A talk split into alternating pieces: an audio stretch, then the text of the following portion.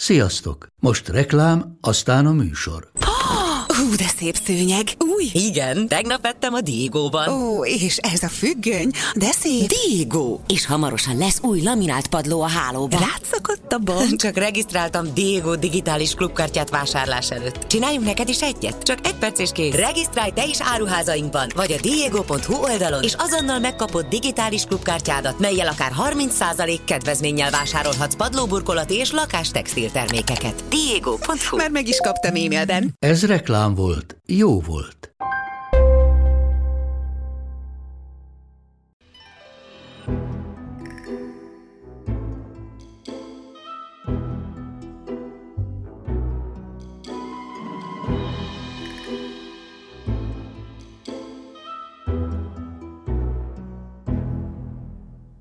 Sziasztok! Ez itt az Attágító Podcast, kuriózumokkal a tudomány és a történelem világából, elképesztő, abszurd és humoros érdekességekkel. Én Júlia vagyok.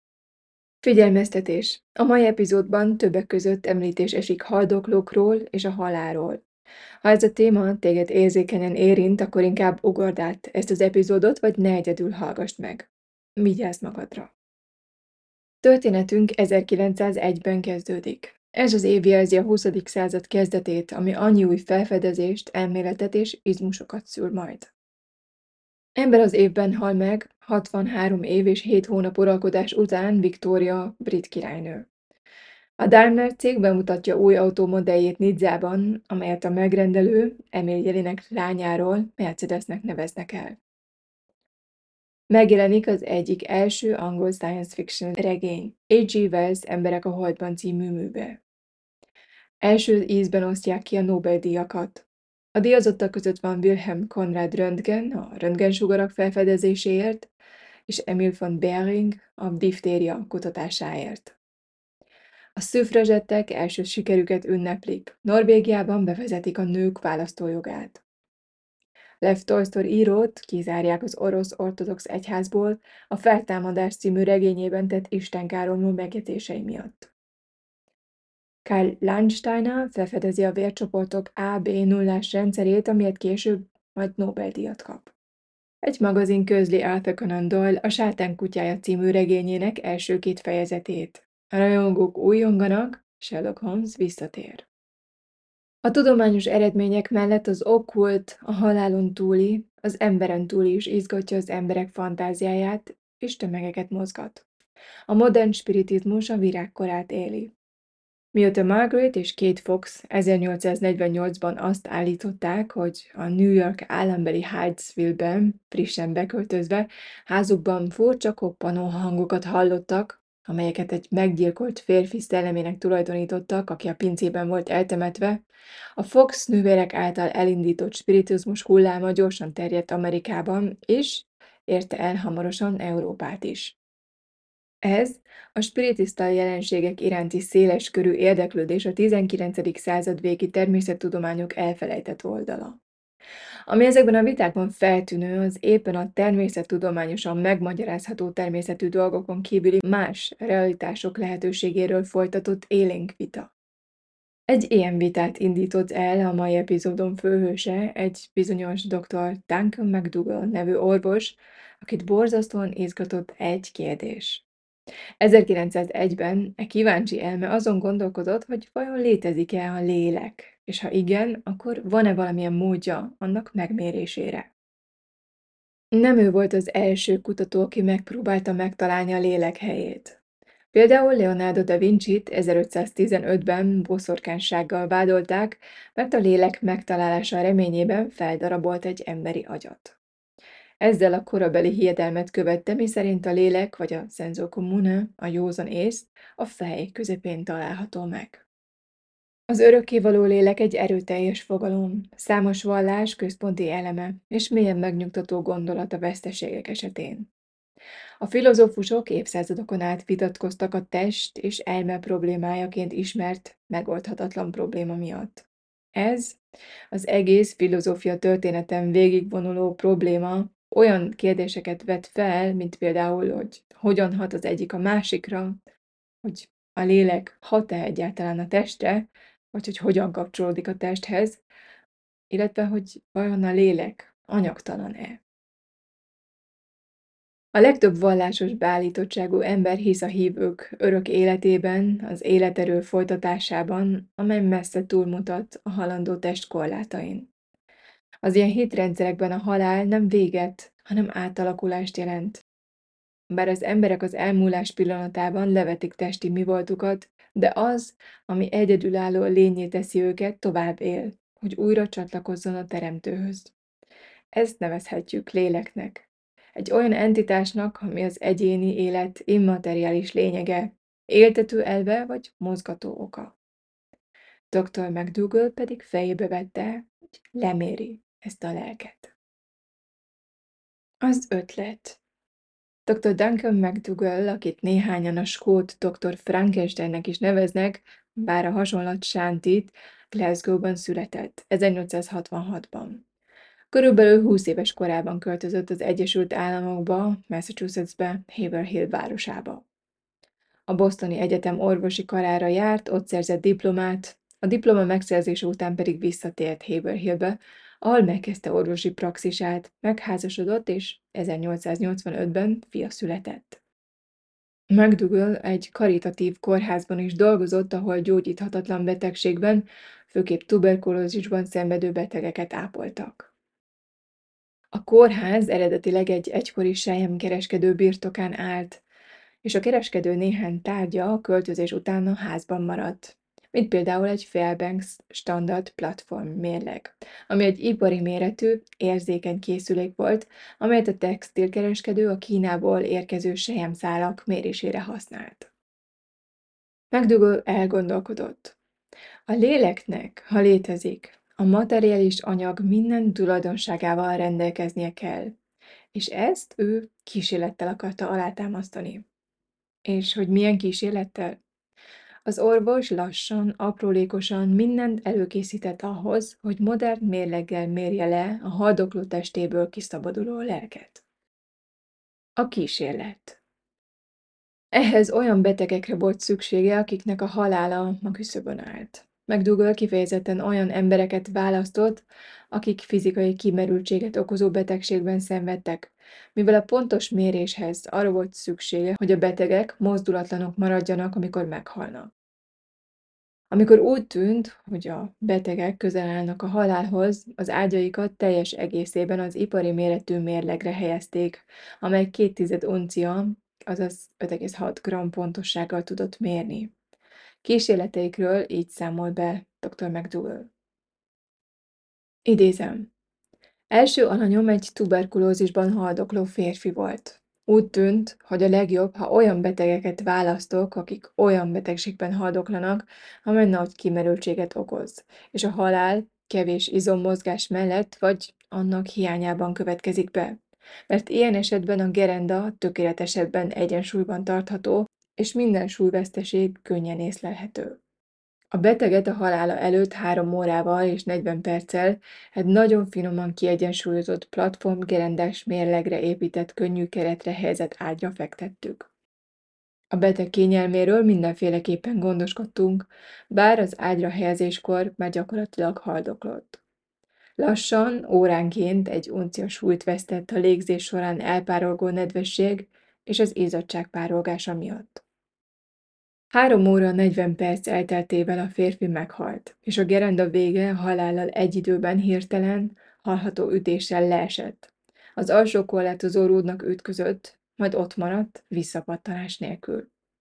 A veszteséget háromnegyed unciában állapítottuk meg, azaz körülbelül 21,3 g.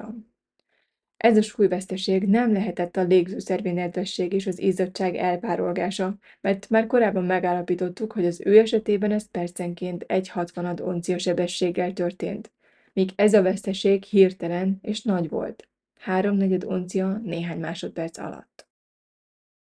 A belek nem mozogtak. Ha mozogtak volna, a súly még mindig az ágyon maradt volna, kivéve a nedvesség lassú elpárolgását.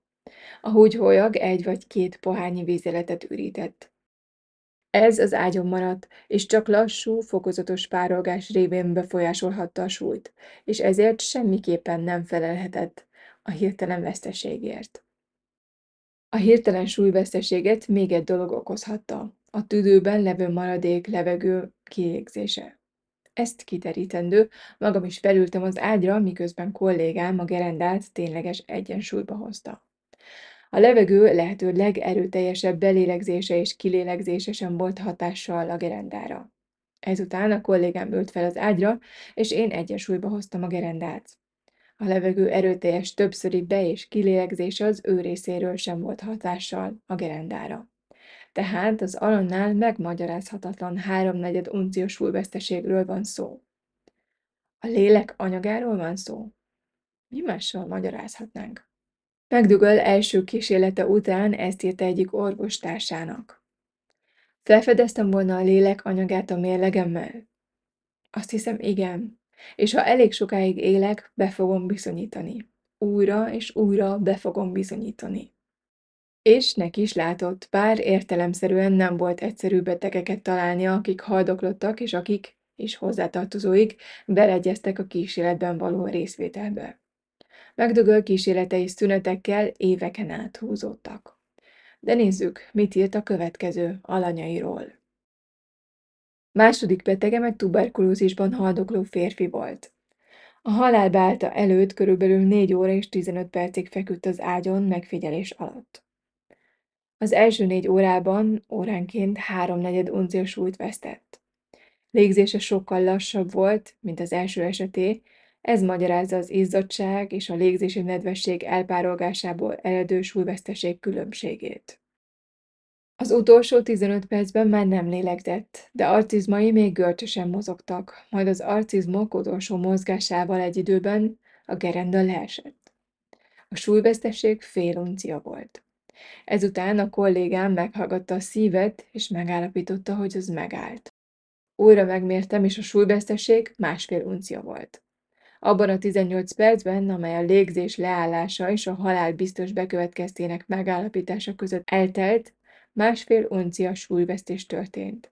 Szemben a négy óra alatt bekövetkezett három uncia veszteséggel, amely alatt a szokásos veszteségcsatornák működnek.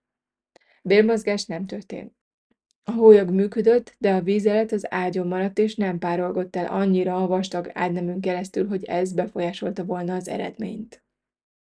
Ez a beteg teljesen más temperamentumú volt, mint az első. A halála nagyon-nagyon lassan következett be, úgyhogy a közönséges bizonyítékok alapján nagy kételjeink voltak, hogy pontosan megmondjuk, hogy mikor, melyik pillanatban halt meg. A harmadik esetem egy tuberkulózisban haldokló férfi esetében a halál beálltával egyidejűleg fél uncia súlyveszteséget mutattam ki. Néhány perccel később további egy uncia súlyveszteséget.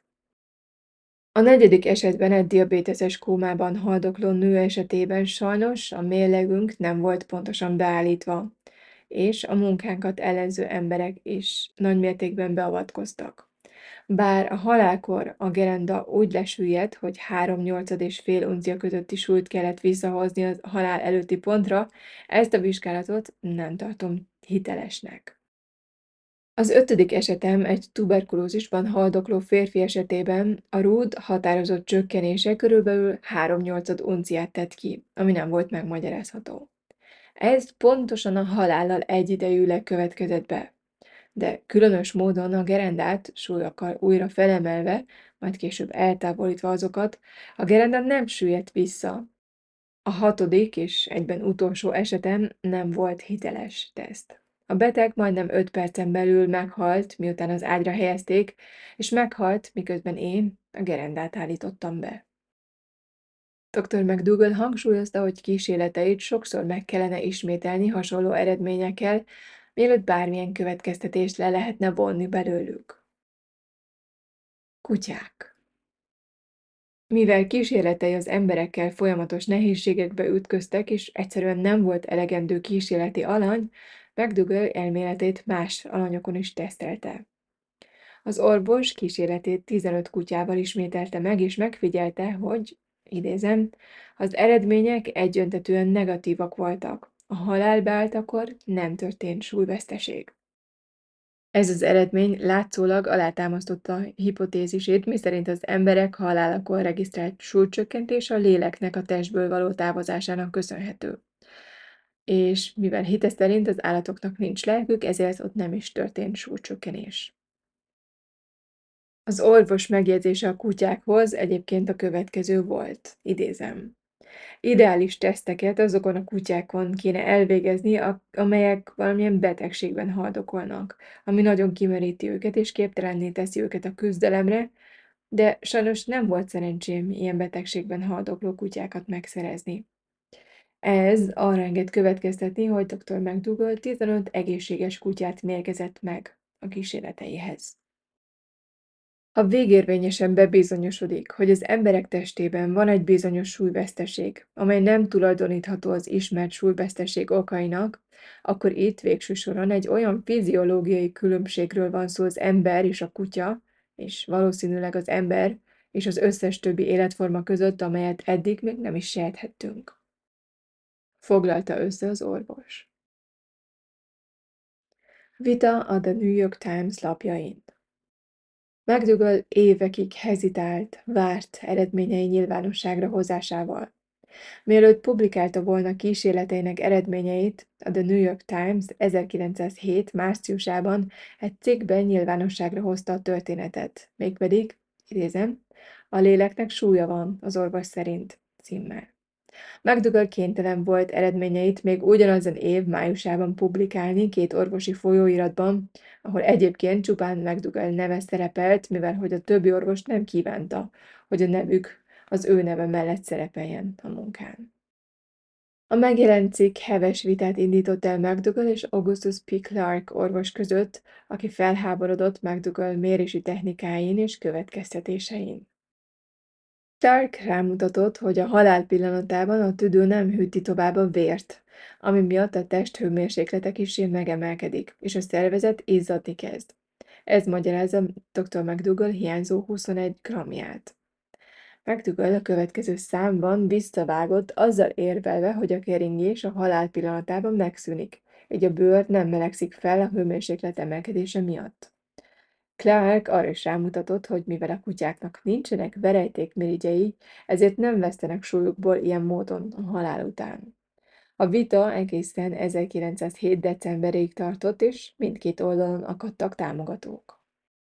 Kritika és utóhatás McDougall kísérletét a tudományos közösség elutasította, hibás módszerekkel, sőt néhányan egyenesen csalással vádolták. Megjegyzem, a hat beteg közül csak egy támasztotta alá a hipotézist. McDougall kísérlete a szelektív észlelés klasszikus esete, mivel az orvos figyelmen kívül hagyta az eredmények többségét. Kritizálható a mintakis mérete is. A súlyváltozás mérésének képessége pedig pontatlan. És az is megkérdőjelezhető, hogy hogyan volt képes meghatározni a halál pontos időpontját, figyelembe véve az akkor rendelkezésre álló technikát. Tudjuk, hogy McDougallnak és orvostársainak gyakran okozott nehézséget a halál pontos időpontjának meghatározása, ami viszont a kísérleteik és a teóriája egyik kulcsfontosságú tényezője volt. Az orvos később azzal próbálta megmagyarázni az eltéréseket, hogy, idézem, a lélek súlya gyakorlatilag az utolsó lélegzetvétel pillanatában távozik a testből, bár a lomha temperamentumú személyeknél még egy teljes percig a testben maradhat. Ahogy mondtam, a munkát a tudományos közösség darabokra szedte, de a Bible Belt újságírói a munka védelmére keltek, mivel az szerintük tudományosan bizonyította a lélek létezését. Így a 21 grammos kísérlet néven ismerté vált teszt sokkal erősebb hatást gyakorolt a vallási közösségekre, mint a tudományosokra. Innen a kísérlet bekerült a kulturális köztudatba, és a lélek 21 grammos súlyáról szóló elképzelés még mindig elterjedt. Lélekfotók McDougall hitt abban, hogy valamit sikerült kiderítenie, és hű maradt kutatási területéhez.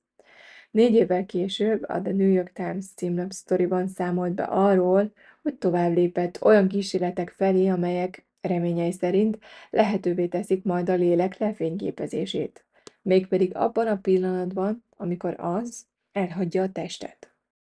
Elmélete szerint a röntgenzsugaras kísérletek segíthetnek az emberi lélek lefényképezésében, mivel a röntgensugár valójában egy árnyékkép. Szerinte lehetséges, hogy a lélek anyaga a halál pillanatában annyira felkavarodhat, hogy csökkenti azt az akadályt, amelyet a koponya csontja egyébként a röntgensugárnak okoz, és ezért a lemezen világosabb foltként jelenthet meg a csont sötét árnyékán. És mindez azért, mert dr. McDougall meg volt győződve arról, hogy a lélek anyag a csillagközi éterfényéhez hasonló fényt bocsájt ki. Bár McDougall elgondolkozott azon, hogy a lélek anyaga esetleg túlságosan izgatottá válhat ahhoz, hogy lefényképezhessék, a lélek távozásának pillanatában mégis állítólag sikerült egy tucat kísérletet végrehajtania, amelyenek során, idézem, a csillagközi éterfényéhez hasonló fényt fényképezett le betegei koponyájában, vagy koponyája körül a haláluk pillanatában. McDougall 1920-ban távozott a csillagközi éterbe, maga mögött hagyva a lelkes támogatók egy kis csoportját, valamint az orvosok egy sokkal nagyobb csoportját, akik hihetetlenkedni látszottak, amiért ez a bohózat ilyen sokáig tartott. A nagy közönség tagjai hol az egyik, hol a másik oldalra helyezkedtek, ezután a vita lekerült a radarról.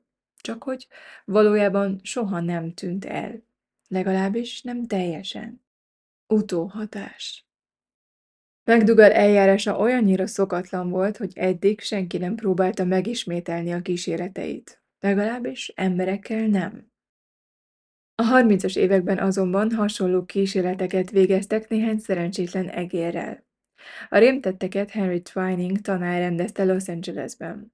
Twining egy gerenda mérleggel végezte kísérleteit, amelynek minden tálcáján egy-egy élő egeret és egy-egy darab cián tartalmazó edény volt elhelyezve. Miután ezt az egészt gondosan kiegyensúlyozta, Twining csipesztel kiemelte az egyik cianid darabot, és ugyanarra a mérleg mérlegtára tette, ahol az egér is volt.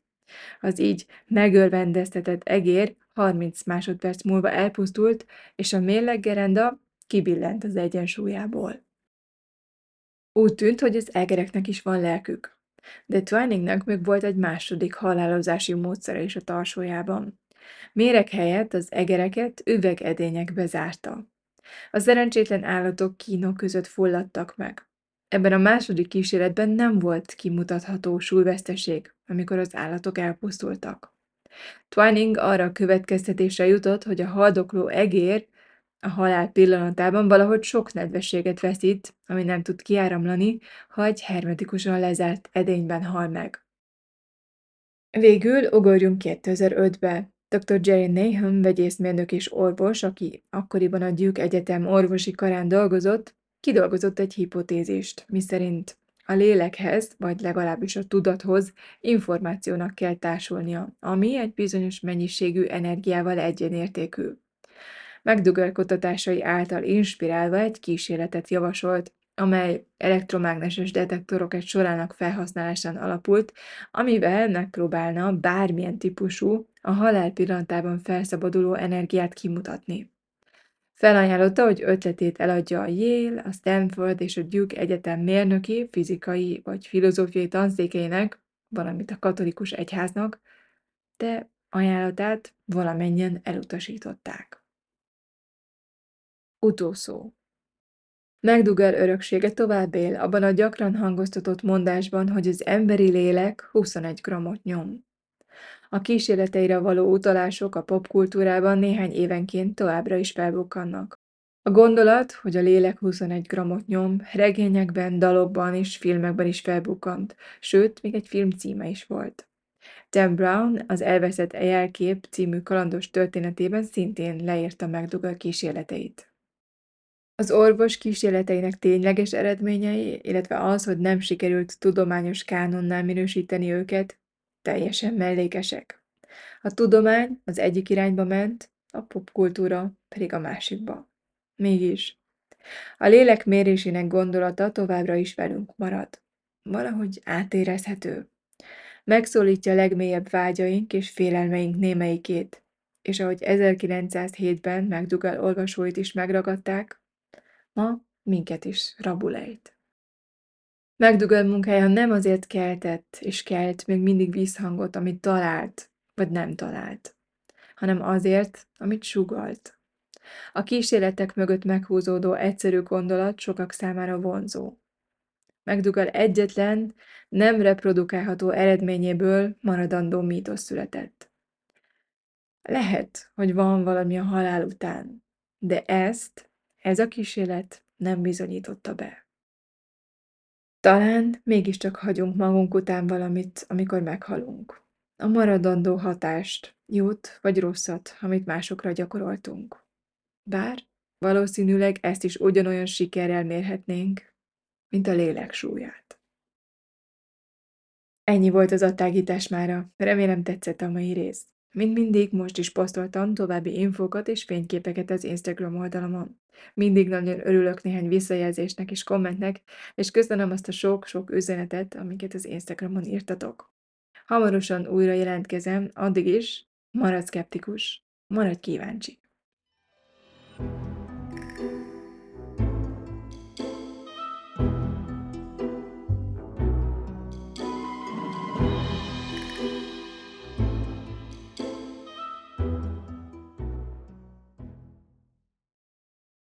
Ez a műsor a Béton közösség tagja.